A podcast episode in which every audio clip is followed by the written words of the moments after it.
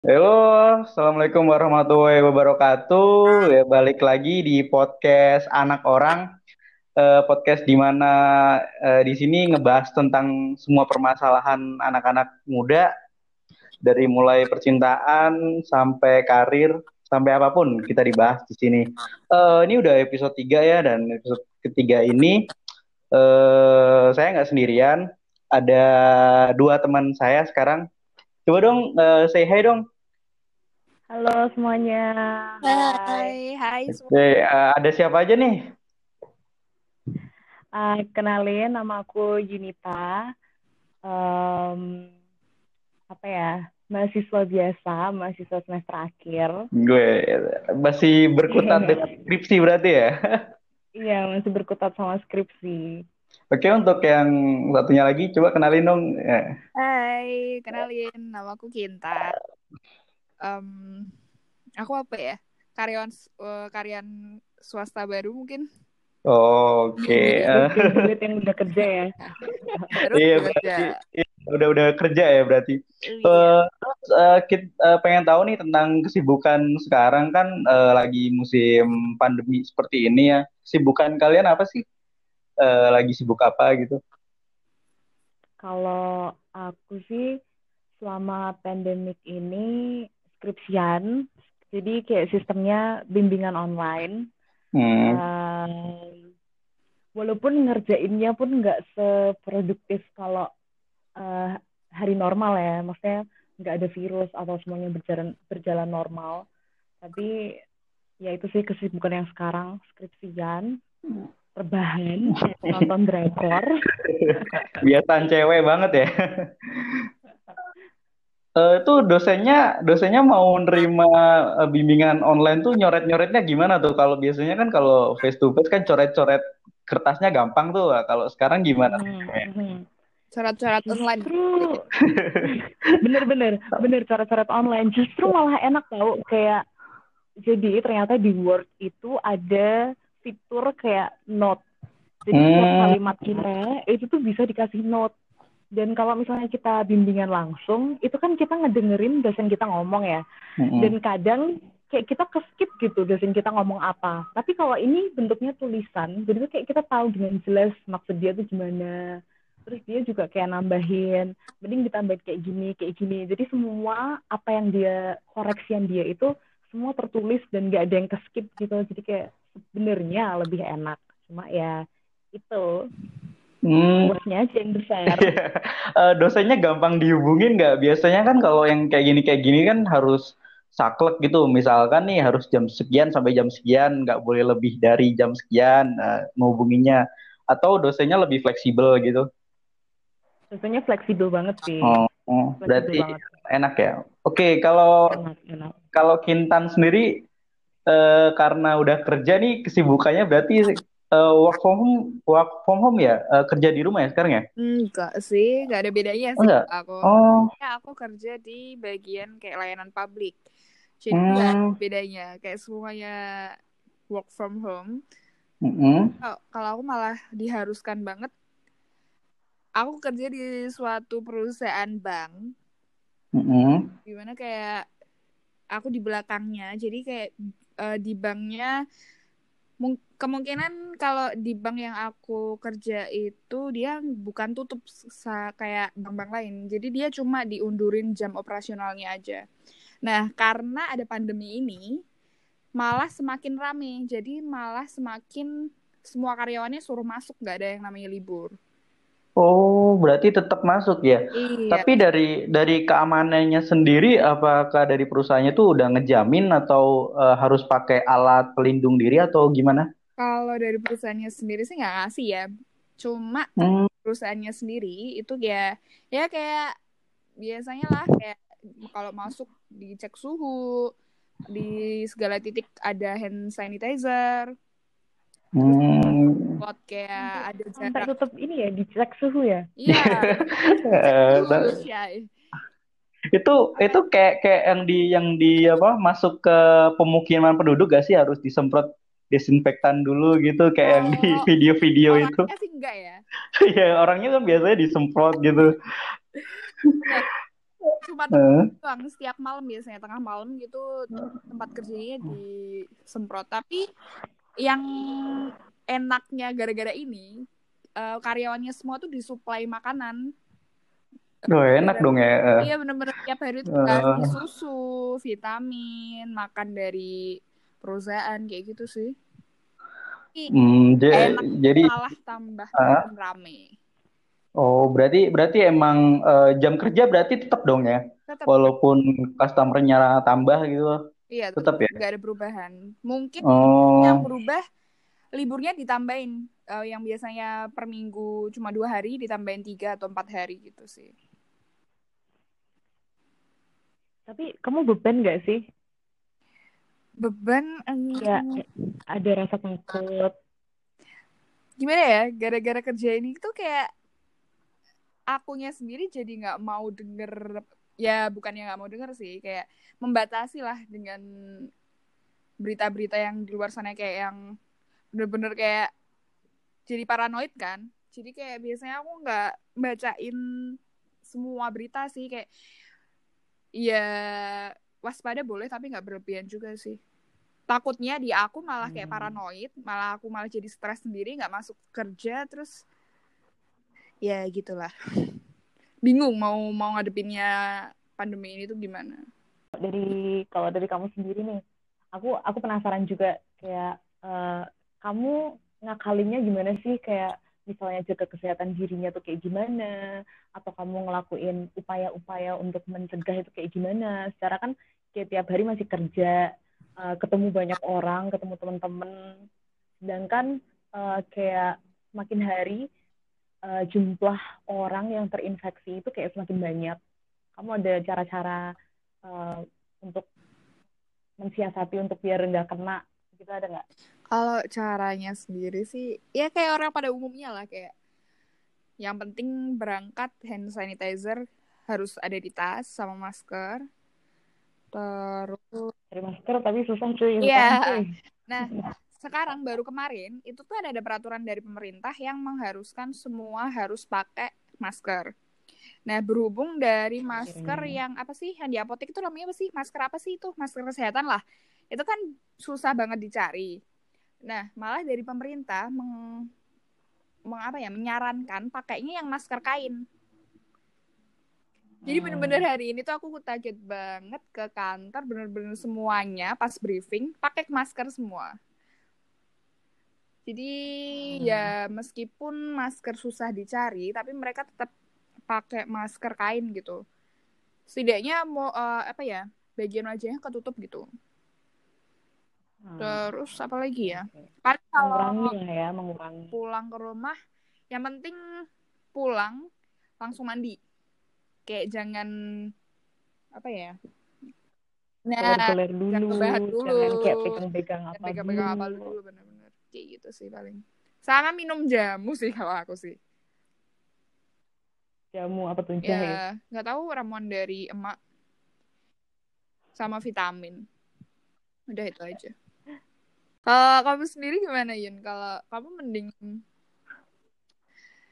suka kuliah Aku- di rumah atau Mhm.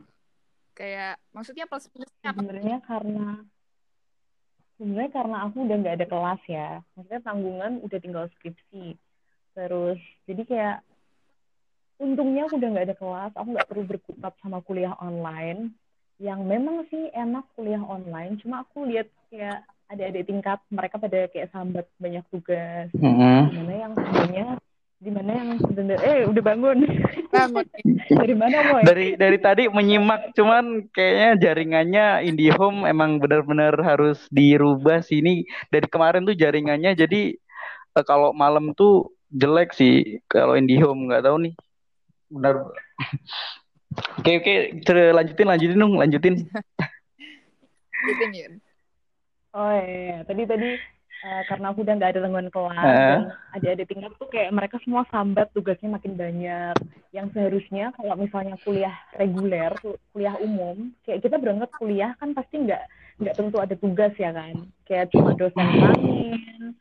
Tapi gara-gara kuliah online jadi kayak frekuensi tugasnya tuh lebih banyak. itu aku bersyukur sih aku nggak nggak harus kuliah online Hmm. tapi jujur takut sih sama corona kayak mungkin mungkin aku sebagai anak muda kayak imunitasku masih bagus.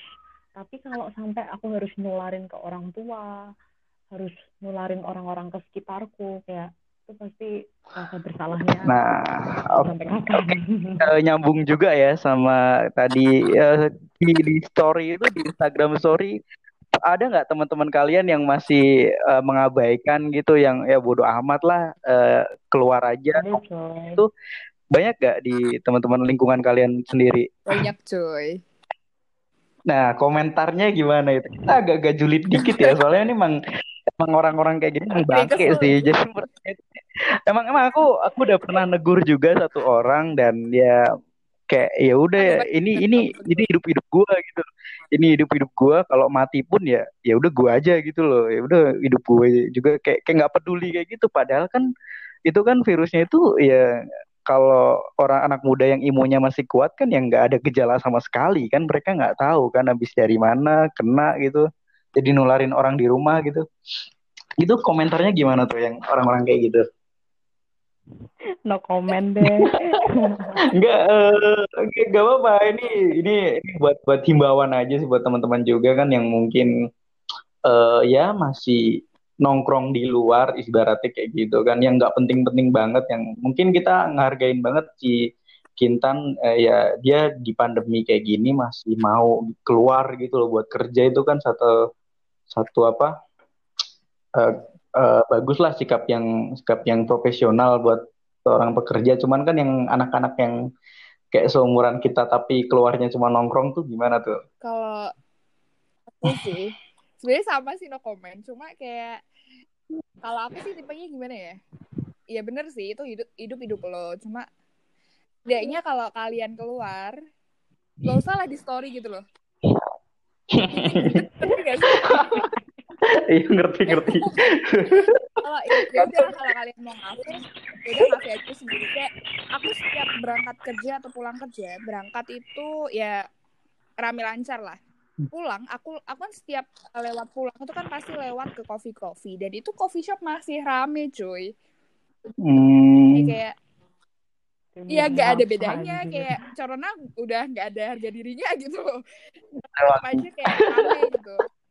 Tapi ya oke. Di story. Bikin yang sini juga yang situ nongkrong eh.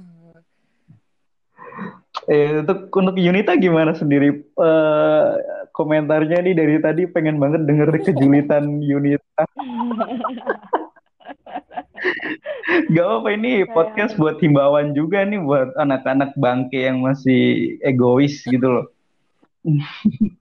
apa ya kayak jangan jangan cuma pikirin dirimu sendiri kamu punya orang tua kamu uh, bersosialisasi sama orang-orang yang kamu nggak tahu daya tahan tubuh mereka tuh kayak gimana Hmm. dan kayak bayangin kalau itu tuh kalau kamu ngebawa virus itu untuk orang terdekat kamu kamu bakal hidup hidup mau hidup kayak gimana? Mau hidup dalam rasa bersalah kayak gimana? Bisa bayangin nggak sih? Hmm. kalau kita kena terus orang tua kena terus orang tua kayak dengan mereka daya tahan tubuhnya lebih lebih lemah nggak bisa bayangin sih. Pesannya kayak jangan cuma pikirin dirimu sendiri. Iya sih emang eh, gitulah. pikirin orang lain juga Ya itu eh, untuk orang-orang yang mungkin di luar sana masih nongkrong, stoplah di rumah aja ya kan kayak kayak mungkin Mhm. kita gini kan podcast juga kan di apa secara online gitu loh di rumah aja tetap oke Iya. kegiatan sehari-hari di rumah emang eh, cuma rebahan atau ada kegiatan yang lebih iya jawab eh, bagi tipsnya aja nih biasanya kan rebahan doang kan bosen nih di rumah untuk kalian sendiri eh, cara nyikapin biar nggak bosen gimana sih Junita nih Hmm. Gimana ya? Cari cari kegiatan yang kamu suka. Masih banget nggak sih? Kayak nggak juga sih sebenarnya. Lakuin apa yang bisa dilakuin di rumah. Kayak misal Hmm. kalian punya kucing ya, kalian ngerawat kucing. Hmm. Kalian nggak pernah bersih-bersih ya, sekarang mulai nyapu-nyapu. Mm-mm. Termasuk Atau eh, itu ya yang apa kalau ada gosip-gosip tetangga ikut gitu ya kan. tetap sih kalau itu. Biasanya kan Kayaknya kamu gitu. Oke, eh, ini tentang pandemi ya. Terus kita eh, beralih. Tadi kan kesibukannya eh, si Yunita kan masih skripsi ya. Terus di Mhm. Kintan udah kerja. Nah, eh, dulu tuh sempet kuliah di jurusan apa ya? Kalau boleh tahu si Kintan. Kalau aku itu aku lulusan Polines. Tahu nggak sih Polines? Hmm, tahu-tahu. Poli- Really? gila. Politeknik UNES gitu ya. No no. Politeknik di Semarang dia dulu satu sama Undip. Dia Mm-mm. bisa jadi kayak um, politeknik sendiri kayak berdiri sendiri. Itu sebenarnya basicnya politeknik itu lebih fokusnya ke teknik, tapi aku jurusannya administrasi bisnis. Dan Hmm. kenapa aku bisa kerja dan Yunita masih kuliah, padahal kita seumuran, karena aku ambilnya di tiga. Di sana itu nggak ada S1, ada D4 tapi setara S1. Tetap eh, apa ya ikutnya gelarnya D4 gitu. Nah, aku D3 makanya aku lulus itu Oktober kalau nggak- tanggal 4 Oktober aku lulus, dua minggu kemudiannya aku kerja. Training sih lebih tepatnya. Terus udah sekarang jadi kerja deh.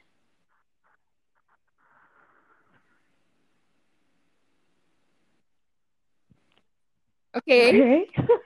terus apa lagi nih yang harus aku ceritain? Lagi dia. Halo? Iya, Halo, ini masih stay di sini. Cuman sorry sorry jaring ya padahal dari tadi ngomong. Oke, eh, untuk untuk eh, Yunita nih, eh, itu kuliahnya di mana dan jurusan apa? Aku jurusan ilmu komunikasi di Universitas Dianusantara Semarang. Oke, eh, itu kira-kira di Ilkom tuh eh, apa sih basic-basic yang harus dikuasai untuk eh, di di Ilkom tuh? Berat, berat pertanyaannya. Oh, iya udah. Ini ini gini aja tanyanya biar biar lebih gampang ya. Eh, ini kan udah Hmm. skripsi nih. Nah, Hmm. pasti pertanyaan orang tua sama pertanyaan tetangga-tetangga gini dong. Yunita udah lulus. Kerja di mana sekarang? Nah, kerja apa sekarang? Nah, itu Itu kayaknya bentar lagi sih aku bakalan ngalami fase itu Pasti. kerja di mana. kalau kalau Udah punya pacar belum? gibah tetangga itu pasti itu udah udah udah kuliah, udah ke mana-mana kok masih nggak nggak kerja kerja gitu. Kalau kalau nganggur gitu sih pasti gibahnya. Oke, terus eh, Kalau kalau aku, kalau aku kan karena anak komunikasi pastinya kayak pengennya kerjanya di dunia ilmu komunikasi dan dunia ilmu komunikasi itu luas banget banget banget. Eh, bahkan ilmu komunikasi sendiri itu masih ada cabarannya sendiri beberapa bidang yang masih ikut rumpun ilmu komunikasi. Jadi sebenarnya kalau ngejelasin ilmu komunikasi sendiri itu bakalan panjang banget sih, tapi eh, pengennya kerja di dunia PR, oh, di kayak ya dunia PR, dunia kayak gitu-gitulah, corporate thing. hmm, berarti berarti masih berhubungan dengan mungkin komunikasi publik gitu bukan ya? Ya kayak misal Hmm. PR tuh kayak public relation itu misal suatu perusahaan, aduh kalau saya ngomong berat nih. Gak apa, intinya aja tuh intinya aja kerjaannya tuh ngapain gitu loh, apa cuman gembor-gemborin doang atau jadi ini eh, yang di lampu merah tuh kan eh, di di lampu merah kan ada kayak beberapa daerah tuh ada speaker-speaker gitu loh yang la- layanan masyarakat gitu. Bukan, Oh, bukan bukan. anjir. Bukan. Saya tahu. Saya pikir layanan publik gitu kan. ini nih, ini nih orang orang awam kalau mikir ilmu komunikasi nih begitu. Iya. Dikiranya tuh kerjaan kita kayak Atau ngomong ini Mbak speaker. Mbak yang ngomong di bioskop pintu teater satu Nah, lagi gitu. Itu Nah, nggak perlu apa? S1 coy. kan kan ada nadanya juga nadanya harus pas loh itu. Ada ilmunya juga nggak mungkin sembarangan ngomong kan. Terus gimana gimana? Eh, penasaran aja eh, ilmu komunikasi tuh biasanya ke mana sih gitu? Eh, biasanya bisa di jurnalistik, hmm, bisa di uh, branding, advertising, kayak uh, misal kayak branding gitu kan kita harus nentuin strateginya apa pesan yang mau disampaikan Hmm. Nah, kalau PR sendiri sih di perusahaan ya dia berarti menjaga reputasi perusahaan, kemudian kayak berhubungan sama media, media relation, berhubungan sama pemerintah, government relation. Um, misal ada suatu krisis ya PR yang memberikan uh, press release, Hmm. Ya. ya, keterangan-keterangan. Mm, berat berat juga berat Gitu-gitu. juga emang untuk untuk Kintan sendiri dulu eh, berarti kan ini dua bulan ke dua, dua minggu setelah lulus itu kan langsung masuk ke trainingnya ya training di salah satu Iya. itu ya nah eh, ke berarti nggak nggak nggak ngalamin dong yang namanya eh, kecemasan dalam ya setelah lulus aku mau ngapain nih gitu Tetap ngalamin sih. itu ini tuh. ini Yunita tahu banget sih gimana aku dulu. Sebenarnya tuh lulusnya Hmm. itu lulus apa ya? Lulus ini loh yang beneran ke apa ya? Yang pakai kebaya gitu loh. Tapi kan sebulan dua bulan sebelum Sudah. iya wisuda kan kan ada kan ada beberapa kali kan wisuda jurusan sama wisuda semuanya. Nah sebelum itu kan menurutku yang penting itu yang bagian sidangnya karena kita udah selesai. Kalau wisuda mah ya udah gitu kan ya. Hmm, cuman cuman celebrate Iya. gitu ya Kalau dari sidang ke wisuda kan lumayan lama tuh sebulan dua bulan. Nah aku tuh tipe orang yang gimana ya? nggak bisa gitu kayak diem di rumah sedangkan ada beberapa temenku yang dari magang dia tuh ditarik sama yang perusahaan magang yang dulu jadi kayak dia sebelum lulus wisuda nah Itu sih bikin insecure sih banget sih bikin sama sih. insecure. nah yang pas kita belum wisuda tapi dia udah ada kerja beberapa ada yang udah kayak gitu plus aku anak terakhir jadi hmm. males aja dibanding-bandingin sama kakak-kakakku yang udah kerja kayak kapan-kapan gitu. Plus apa ya? Hmm. Mulut tetanggi juga sih kayak udah lulus kapan? Mana? Nah, ya kan gibahan tetangga. Itu berarti cara cara apa cara ngedepinnya insecure kayak gitu gimana? Berarti kan bisa survive kan? Buktinya aja kan ya ya udah gitu loh. Itu eh, gimana Kalau cara eh, orang kayak tanya kerja di mana? Iya, masih cari. Udah gituin aja sih. Bodoh amat sih orang itu ya kalau dengerin omongan orang ya bikin stres sendiri gak sih? berarti Iya, bersikap bodoh itu amat ya? kunci utama. Tapi ya dengan usaha. Tapi aku aku aku penasaran nih. Aku penasaran nih kayak yang di insecurein apa sih? Kayak takut nggak dapat kerja kah? Atau tak kayak mikir, aduh kemampuanku tuh kayak nggak seberapa. Yang di insecurein tuh sebenarnya aku yang kayak ya? gimana sih kalau kamu sendiri? Eh, nggak munafik gak sih kalau semua perusahaan itu ngelihat dari penampilan? Iya, beberapa. Ya, Nah, sih. beberapa ap- apalagi aku yang jurusan administrasi bisnis, pasti dia Ah, I see. orang Ya, ya. ke Iya yang harus bank, yang harus nah, gitu-gitulah ya. itulah Heeh. ya, Yang tahu-tahu. Nah, ya, nuntut, kita. Sama sih dunia komunikasi Serius. juga gitu sih. Eh, kayaknya semua pekerjaan deh kayak Mm-mm. gitu. Kecuali satu sih. Mungkin IT I- enggak kali kalau ya. kalau di kalau di programming eh, programmer ya. Kalau programmer Kalau tuh beda. malah malah nggak keluar. Jadi di rumah aja. Udah ngerjain di rumah aja. Sampai perutnya gendut sih. Dah itu doang sih kayaknya. berharap bisa jadi IT sih kalau aku sih. Ngomongin tentang halo, Insecure, insecure. kayak ngomongin tentang Tidur. insecure dan eh, kayak ngerasa kemampuan eh, di bawah rata-rata. Nah, berkaitan dengan itu, pernah nggak sih kayak kamu ngerasa udah belajar eh, lama nih di kampus, tapi kemampuan kamu masih di bawah temen-temenmu, sehingga kamu kayak ngerasa, iya, iya aku bakalan kerja apa nih gitu. Sering ngerasa kayak gitu. Sering gue. Sempet kayak kebesit di pikiran tuh kayak Oke, semua perusahaan kayaknya butuhnya orang-orang cantik doang deh. Mereka nggak butuh otak mereka. Gak- Kenapa kenapa kamu ngerasa kenapa kamu ngerasa bahwa ya aku nggak cantik gitu loh? Kenapa kamu ngerasa kayak gitu? ya? Bukan itunya, tapi tuh kayak kelihatan aja gitu. Iya, yang terima tuh Ma pasti yang at least gimana ya badan yang langsing sama bodinya, cantik putih gitu ya. Berarti itu perusahaan body shaming tuh. Itu perusahaan Ya, jelas. nggak semua perusahaan kayak gitu. Itu body Cuma sharing tuh. Bi- bisa bisa dipahami sih gede sebenarnya bisa dipahami sih sebenarnya Iya.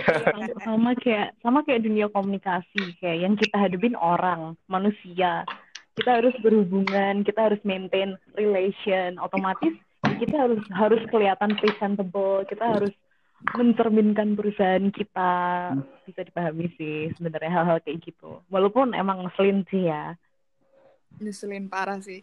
Tapi ngadepinnya gimana ya? Ngadepinnya ya nggak usah nyerah sih kayak optimis aja pasti adalah perusahaan yang mau sama aku tuh Eh, lagi pula tips nih. Kalau kalian eh, lulus dari kuliah, pasti yang kalian pikirin eh, yang bakalan kalian masukin nih lamaran kerja kalian pasti ke perusahaan gede-gede. Tapi ya di dunia asli setelah kalian lulus nggak semudah yang kalian bayangkan kalau kalian mau daftar ke perusahaan yang gede. Nah pengalaman dari kakak-kakakku, mereka ya adalah beberapa sekarang yang kerja di suatu BUMN yang enak. Tapi sebenarnya dulu juga awalnya nggak langsung kayak gitu. Dulu pasti ini dia proses ya Nah, proses nggak langsung ke perusahaan yang gede gitu. Pasti dia pernah perusahaan di swasta lah atau ya pengu- ikut pengusaha-pengusaha kayak gitu. Nah, efeknya beberapa temanku yang gimana ya, dia bisa dibilang pemilih orang yang bisa aku bilang dia pinter banget. Tapi sampai sekarang pun dia juga masih belum dapat karena itu di eh, itu tadi dia pemilih. Makanya kalau dari aku mendingan kalian kalau udah lulus apa aja deh kerjaan yang penting Mhm. ya. Iya, apa aja ya. nganggur kan ya. kayak kita merintis dulu lah ya Oke. Lagian kayak kita masih masih umur umur dua dua satu dua dua gitu gitu kan masih gitu. merintis. Mhm. Ya. Oke, untuk eh, Yunita nih yang belum lulus nih, eh, banyak nggak kekhawatiran kamu mau mau apa ke depannya gitu loh? Banyak sih, banyak banget sih. Jujur, mungkin em, aku bakalan jadi tipe kayak yang tadi Kintan omongin, teman-teman Kintan itu mungkin kayaknya nih feelingku tuh aku melihat diriku tuh orang yang pemilih. Aku ngeliat diriku tuh Eh, pemilih gitu kalau kalau sama lamaran pekerjaan. Walaupun aku tahu kayak kemampuanku juga nggak sebagus itu sih. Aku juga banyak insecure sama selain penampilan, iya aku insecure sama kemampuan.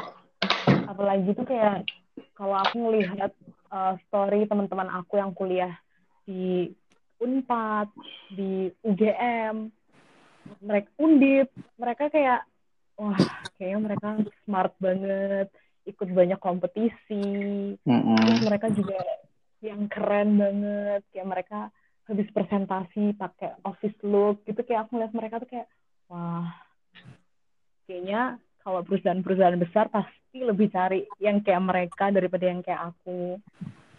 Aku minim pengalaman, nggak banyak. Eh, ada beberapa pengalaman, tapi nggak sebanyak yang aku lihat di teman-temanku itu. Jadi kayak banyak sih kekhawatiran.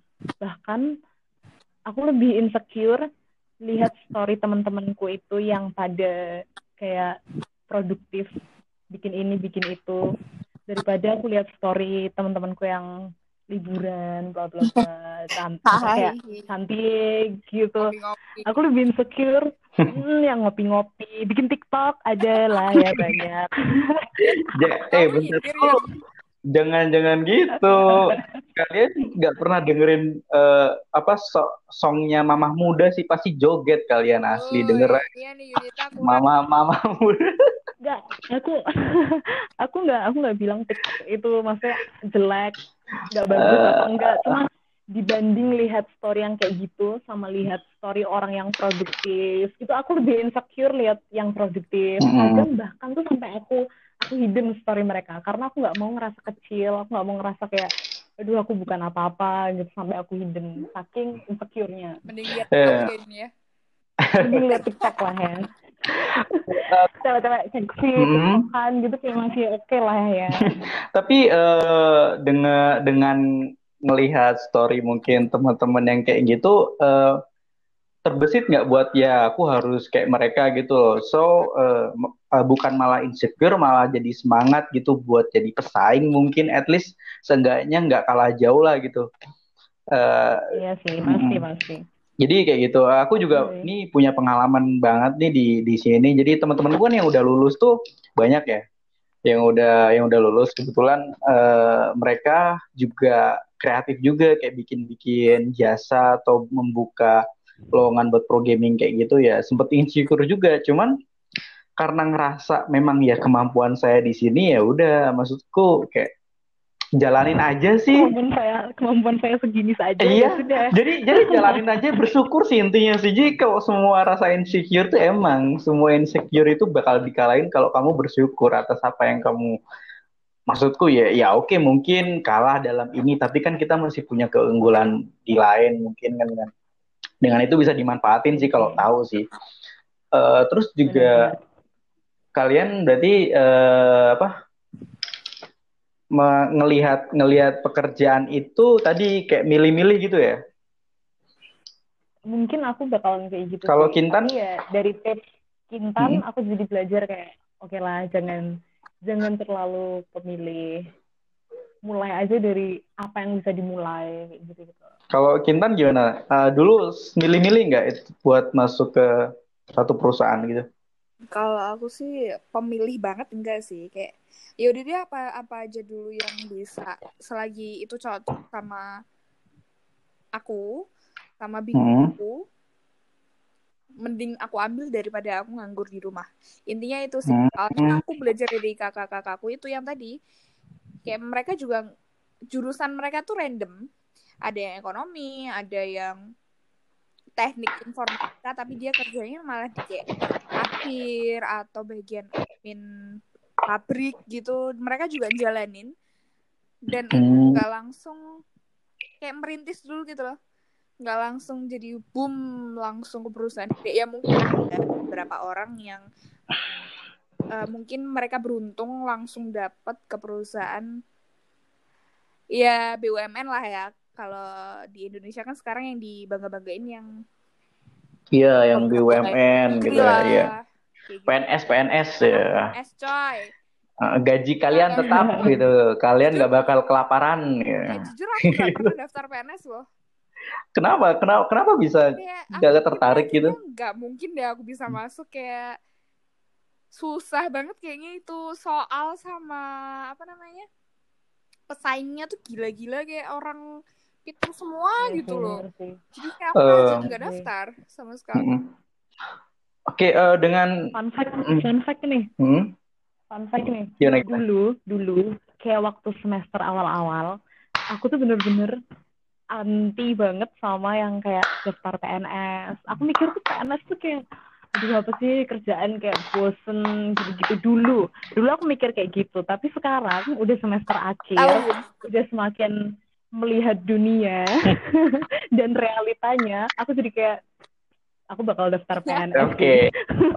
Itu kan eh, apa, karena mungkin karena mungkin dulu belum ada pengetahuan ya. Eh, relate nggak sih kayak zaman sekarang tuh PNS dijadiin cita-cita yang emang ya kayak semua orang harus jadi PNS kayak orang-orang tua kan juga dulu pemikirannya mungkin kayak gitu. Relate gak sih sama dunia yang kita sekarang yang anak-anak milenial ini buat jadiin PNS tuh sebagai cita-cita utama gitu? Kayaknya nggak relate sih karena di di apa ya di generasi kita, generasi milenial, generasi di bawah kita juga kita lebih digembor-gemborkan untuk eh, menciptakan lapangan pekerjaan, kemudian menjadi seorang leader, hal-hal yang hal-hal yang encouraging kayak gitu kan kita selalu digembor-gemborin. Dan aku mungkin salah satu yang pada saat itu ah iya ya bener juga. Kayak kalau jadi PNS ya udah kayak hidup kita segini aja. Kita kita mampu kita hidup dengan layak tapi segini aja. Kita nggak bisa yang jadi tajir banget at that time aku tuh mikir kayak gitu tapi sekarang sekarang aku enggak sih enggak mikir Tapi, gitu. Kalau menurutku ya, kenapa PNS seka, um, sampai sekarang masih dibangga-banggain? Mungkin kita di pa- waktu kita kuliah itu bilangnya ya udah PNS kayak nggak begitu kita gembor-gemborkan, tapi lebih kayak kita jadi pengusaha gitu kan. Tapi faktanya Hmm. kalau kita di rumah kita Iya, dengan iya. orang tua, dengan tetangga-tetangga, PNS tetap yang dibanggakan kan? Iya, Iya ya benar faktor lingkungan tuh banget tuh Nah. ya. Hmm. Kalau kalau dia di Indonesia iya kalau kan PNS Nah, kalau PNS di Indonesia kan kayak wow, ini kayak nah Iya, iya, iya. coy masa depan cerah gitu. orang tua udah seneng cep- cepat orang tua udah seneng cepet jap- dapat jodoh kayaknya kalau PNS Nah, gitu. Iya. Anak saya coklat, coy. Iya coklat seragam pramuka kan bisa aja Oh, bos. iya, iya. Iya. Oke, eh, kaitannya dengan kayak itu, mm, pernah nggak sih terbesit di apa kalian itu jadi kan sekarang tuh lagi banyak tuh entrepreneurship entrepreneurship muda gitu ya. Eh, pernah nggak sih eh, sempet pengen, wah aku pengen jadi entrepreneur aja nih daripada kerja di satu perusahaan gitu. Sering parah. pengen sih pernah sih pernah nggak kamu Apalagi jurusanku sering ya menu dia jurusanku tuh lebih mengajarkan gimana kamu buka perusahaan sendiri. Jadi Hmm. di jurusanku itu matkulnya hampir semuanya. Kayak matkul kalian kan ada public public apa sih relation ya? Eh, Public public speaking, atau gitu itulah aku dapat. Desain grafis aku dapat. Eh, akuntansi aku dapat. Semuanya lah. Jadi Hmm. kayak tugas-tugasku dulu juga sering suruh kayak jualan. Bi- gimana caranya aku bikin lap- apa usaha sendiri. Tapi nyatanya kayak takut gitu di hatinya tuh kayak ngerasa jiwaku kayaknya bukan pengusaha deh. Kayak sama iya kan kayak mentalnya tuh belum ada gitu Eh, kalau Yunita gimana kalau Yunita? Ada nggak kayak pikiran buat ya pengen ke situ lah, pengen jualan gitu?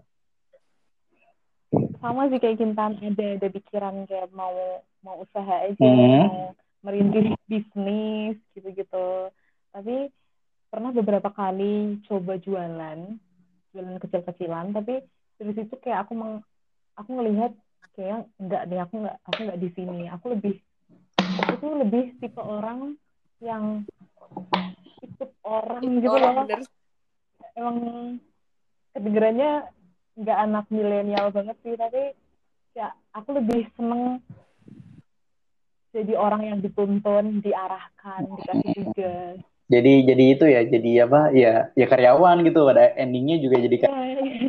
iya, Cuma juga sekarang iya. sekarang mikirnya gini, kalau semua jadi entrepreneur, siapa yang mau jadi karyawannya juga kan ya? Iya, iya, iya.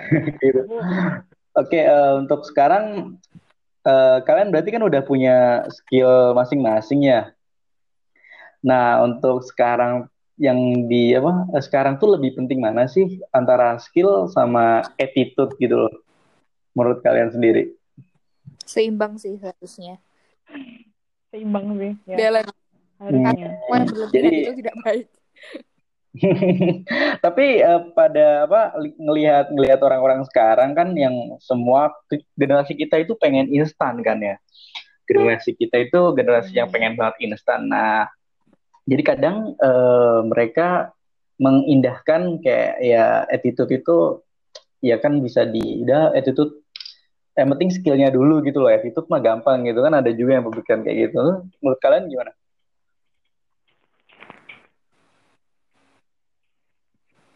Halo, halo halo halo bisa bisa masuk?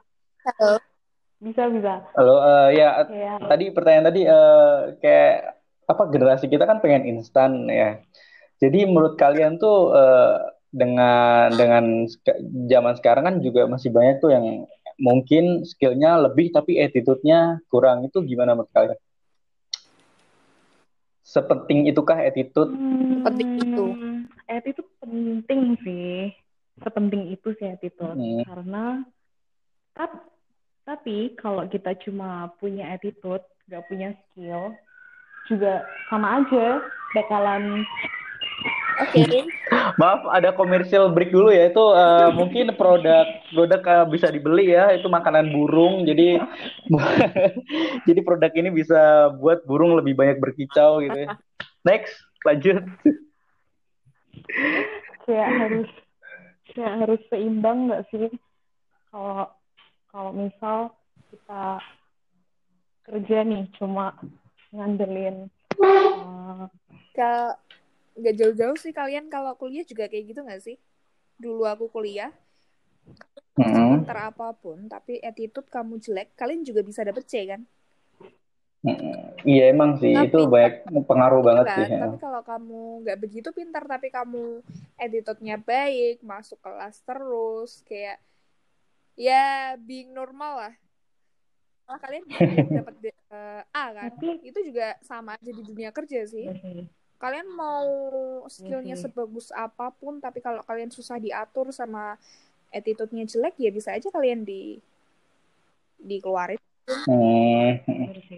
Bener sih. Itu kedua hal yang penting. Tapi aku punya aku punya pengalaman nih. Aku punya pengalaman ketemu sama orang yang dia tuh pinter em, skill dia banyak prestasi dia banyak. Tapi attitude dia itu jelek banget. Cuma orang tetap apa ya tetap memandang dia. Hmm. ngerti gak sih? Kayak tetap tetap respect sama dia karena karena skill dia itu. Ya mungkin beda beda apa ya?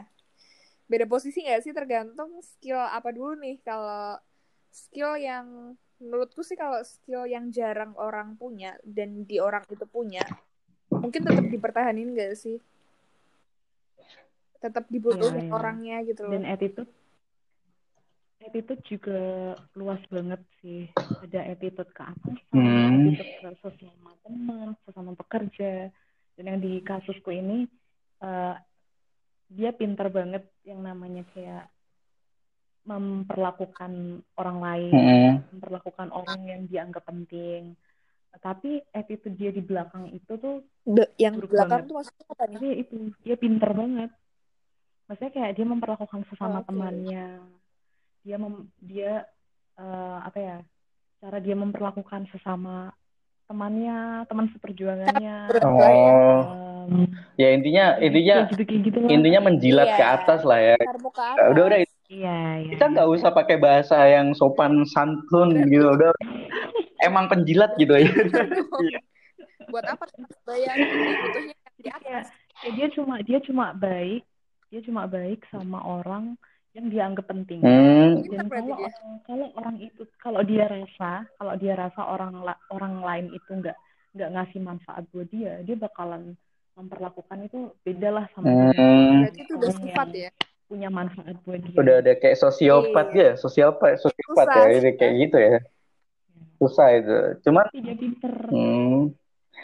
Eh, jadi jadi itu dari di belajar dari situ berarti kan eh, kadang kadang skill juga yang diutamain ya daripada attitude ya. Iya. Emang paling bagus ya balance dua-duanya. Tapi aku pernah lihat di dunia nyata ada ada orang yang kayak gitu, orang yang attitude dia nggak terlalu bagus, tapi dia skill dia bagus, jadi dia tetap dipandang lah, dia tetap menjadi orang yang dipandang. Tapi Oh. menurutku, aku pernah kerja di beberapa, kok kerja sih, magang lah. Waktu aku kuliah magang, eh dia ngerekrut karyawan menurutku juga tergantung dari pimpinannya nggak sih? Tergantung. Dari eh, pimpinan kan banyak ya sifatnya ya. Ada yang tegas, ada yang super galak gila kayak dia lebih apa ya mentingin untung di perusahaannya. Ada yang kayak ya udah biasa-biasa Hmm. aja ada yang bela apa ya kasihannya tuh banyak gitu. Menurutku dia nyari karyawan yang entah itu yang dicari skillnya atau ada juga yang dicari penampilannya menurutku juga tergantung dari pimpinannya sih Oke, berarti ini tergantung dari apa yang dibutuhkan ya berarti ya. menurutku segitu Eh, Oke, Dulu berarti Kintan eh, daftar eh, di salah satu bank itu ikut kayak daftar kayak pada umumnya yang nyerahin CV gitu terus wawancara gitu ya? Iya, aku dulu uh, ikut di beberapa job fair. Dulu job fair aku mm -hmm. di Inus. Terus uh, di kayak website-website gitu. Terus yang terakhir itu aku di Unisula, job fair di Unisula. Hmm. Yang di Udinus itu juga banyak panggilan kayak iya hmm. ya beberapa udah udah aku ambil dan nggak ada ininya loh apa sih nggak ada panggilannya itu yang bikin aku insecure kan oh. terus yang terakhir itu aku udah di titik ya kayak capek karena nggak dipanggil panggil bener-bener nangis ini kenapa kok kayak gini gitu apa cuma aku yang kayak gini ngerasa pak itu berarti itu itu pasti ngerasa paling bodoh nah, sendiri ya kayak anjing paling bodoh gitu. sendiri. Jelek banget ya ya kayak gitu. Iya. Kayaknya nggak punya modal nah, apa-apa gitu. besoknya tuh langsung ada panggilan tuh tiga sekaligus. Wih, ya. itu berarti tiga-tiganya didatengin apa salah satu aja? Uh, yang dua aku datengin, enggak, hmm. soalnya bentrok sama jadwalku. Hmm. Dan dua-duanya bang. Gitu. Uh, Oh bang semua kebetulan ya. Inilah ya di Semarang. Yang okay, uh... itu juga bentrok sih. Maksudnya yang aku sekarang itu dia panggilannya ada dua kali. Hari ini sama besok. Nah yang besok itu juga ada panggilan yang baru.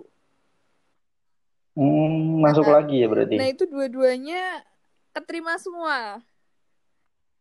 Wih, mantap. Mau milih mana? Saya milih yang sekarang. Uh, berarti job fair itu tuh penting banget ya? Penting sih. Ikut job fair nah, itu ya? tips juga nih, kalian. Kan biasanya kalau ikut hmm. job fair tuh kayak, aku gak mau sendirian, aku mau temennya gitu kan. Nah, ya, biasanya nah, kan kayak gitu tuh. Itu awal-awal aku kayak gitu. Pas di Udinis tuh aku kayak nyari temen yang aku gak mau sendirian. Tapi setelahnya, kalian tuh kayak jadi ya udah mau ikut nggak ke Jover ah nanti deh nah kalau kita ngikut teman kita kita nggak bakalan dapat dapat kerja coy Mm -mm. Pertanyaannya kamu apa temanmu yang mau kerja ya. gitu ya? Kalau kamu udah apa.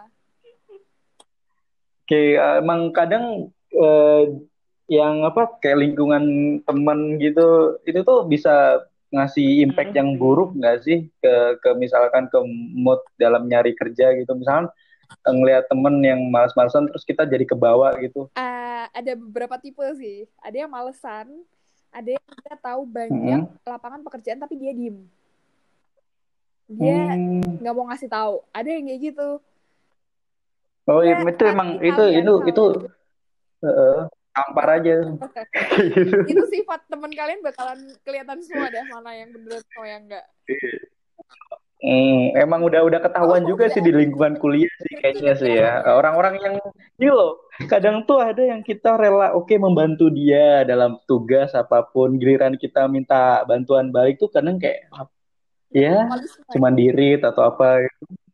Banget sih kayak gitu emang. Makanya eh, sekarang itu eh, mahasiswa itu harus emang bergantung sama dirinya sendiri yeah. sih ya. Benar.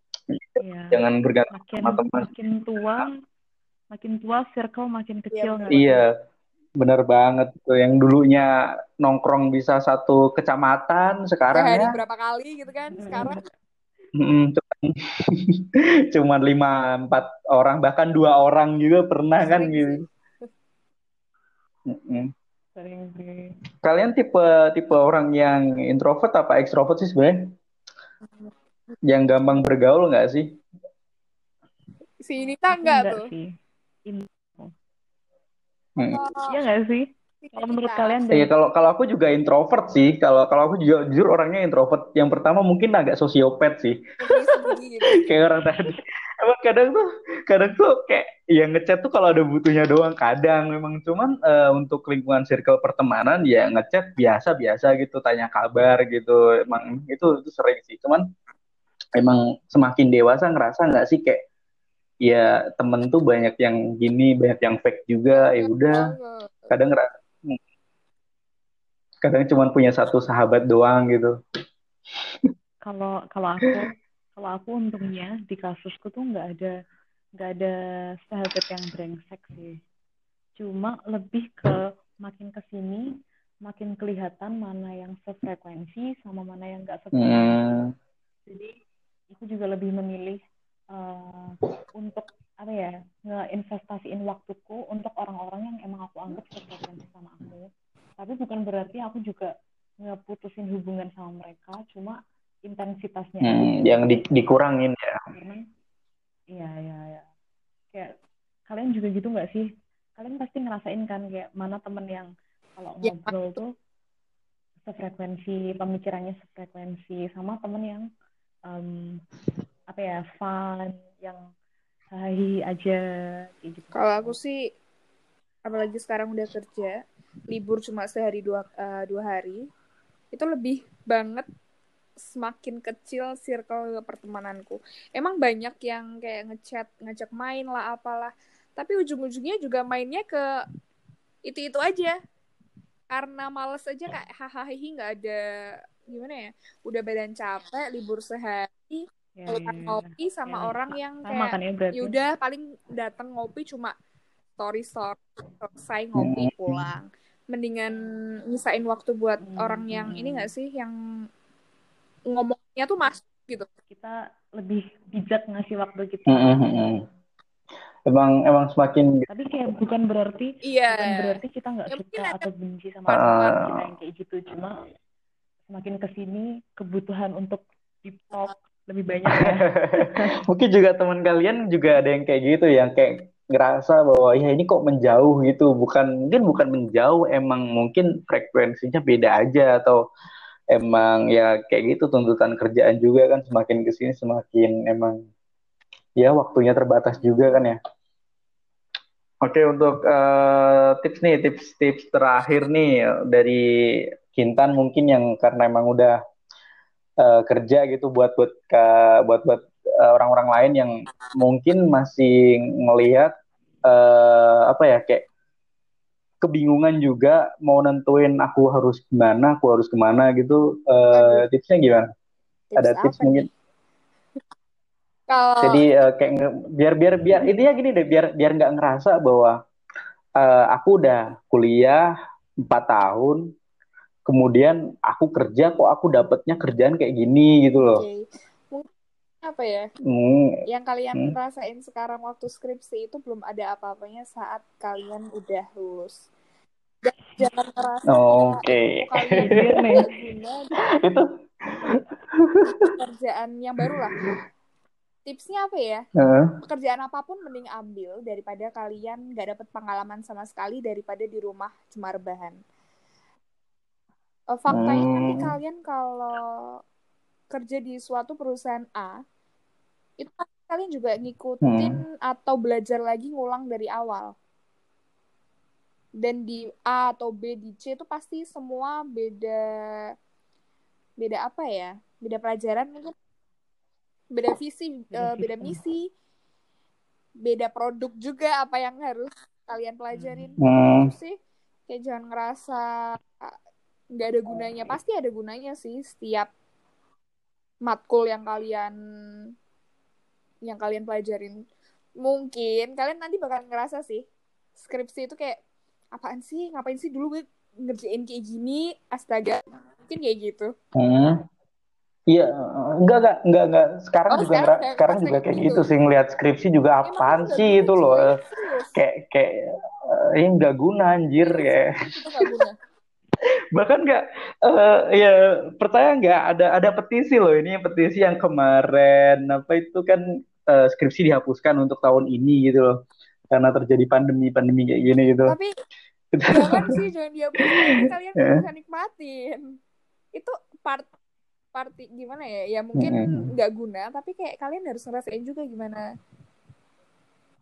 nah enjoy aja sih Susahnya gitu ya. Mm. dibuat pusing sama skripsi gak sesusah itu kok yang penting dikerjain ya Eh, untuk untuk semua para pekerja skripsi Nah, yang penting dikerjain ya itu.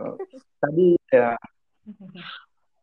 Iya kalau selesai pasti sih, cuman ya karena memang kondisi saat ini emang sedikit menyulitkan ya mungkin uh, apa ya ya ya bakalan telat-telat lah. oh ya udah udah hampir satu jam nih kita ngobrol. uh, biasanya kan di podcast uh, anak orang tuh ada kalimat-kalimat terakhir kata-kata mutiara nih dari setiap uh, orang yang diajak ngobrol bareng nih. Dari Yunita dulu kata-kata mutiaranya apa? Kata-kata mutiara. apa boleh boleh nyakut sama tema boleh tentang apa aja gitu mungkin tentang hubungan gitu hubungan sama pacar atau sama keluarga apa ya? Kata-kata mutiara. Um, apa ya? Sesuatu ini ini aja kali ya. Sesuatu yang selalu aku pegang. Uh, kayak kayak moto moto mm, hidup. moto hidup kayak berat banget ya? yang selalu jadi pegangan itu? Yeah. sesuatu yang selalu jadi aku selalu mikir kayak yang ngerasain ini itu bukan cuma kamu. Mm. jadi chill calm down, everything will be okay. Oke, okay. keep santuy, keep santuy, emang skui skui living gitu ya. untuk ya, untuk Kintan gimana nih oh, kata-kata mutiara dari dari uh, agak apa uh, dari mungkin tadi yang skripsi itu bukan apa apa apa nggak ada apa-apanya di dunia kerja itu juga apa apa sih. Itu kali. ada apa-apa. Oh iya, emang emang emang kayak gitu. Itu juga eh, nanti bakal jadi judul podcast ini sih. Skripsi nggak ada apa-apanya daripada padahal dari ini kita ngalor ngidul ngalor ngidul ya, ngomong sembarangan aja ya nggak ada apa-apanya. Sama dunia kerja hidup, uh, hidup kalian tuh bakal bakalan naik level setiap masalahnya. Dulu SMA UN UN kuliah skripsi skripsi pusing nyari kerja. Nyari kerja nanti nabung nikah. Nah itu lebih lebih berat lagi tuh ditanyain kapan nikah ya sih? Eh, itu itu itu level selanjutnya sih emang bakalan selalu ada pertanyaan yang kayak gitu. Udah udah kerja udah belum udah lulus ditanyain kapan kerja. Udah kerja ditanyain kapan nikah. udah nikah ditanyain kapan punya anak gitu ya. Udah punya anak kapan punya anak lagi anak, ditanyain. Gitu. gitu aja sampai iya kapan meninggal gitu ya terakhir terakhir ditanyain gitu Oke, uh, terima kasih nih buat Junita sama Kintan udah gabung di podcast anak orang, podcast iseng-iseng aja. Uh, udah sukses buat kalian semua ya. Uh, see you. Uh, mungkin next episode kita bakal ngebahas tentang uh, sedikit-sedikit ceremet ke relationship nih buat teman-teman di sini yang Berat tuh. yang Aduh, nggak ikut berarti. Curhat nanti aku.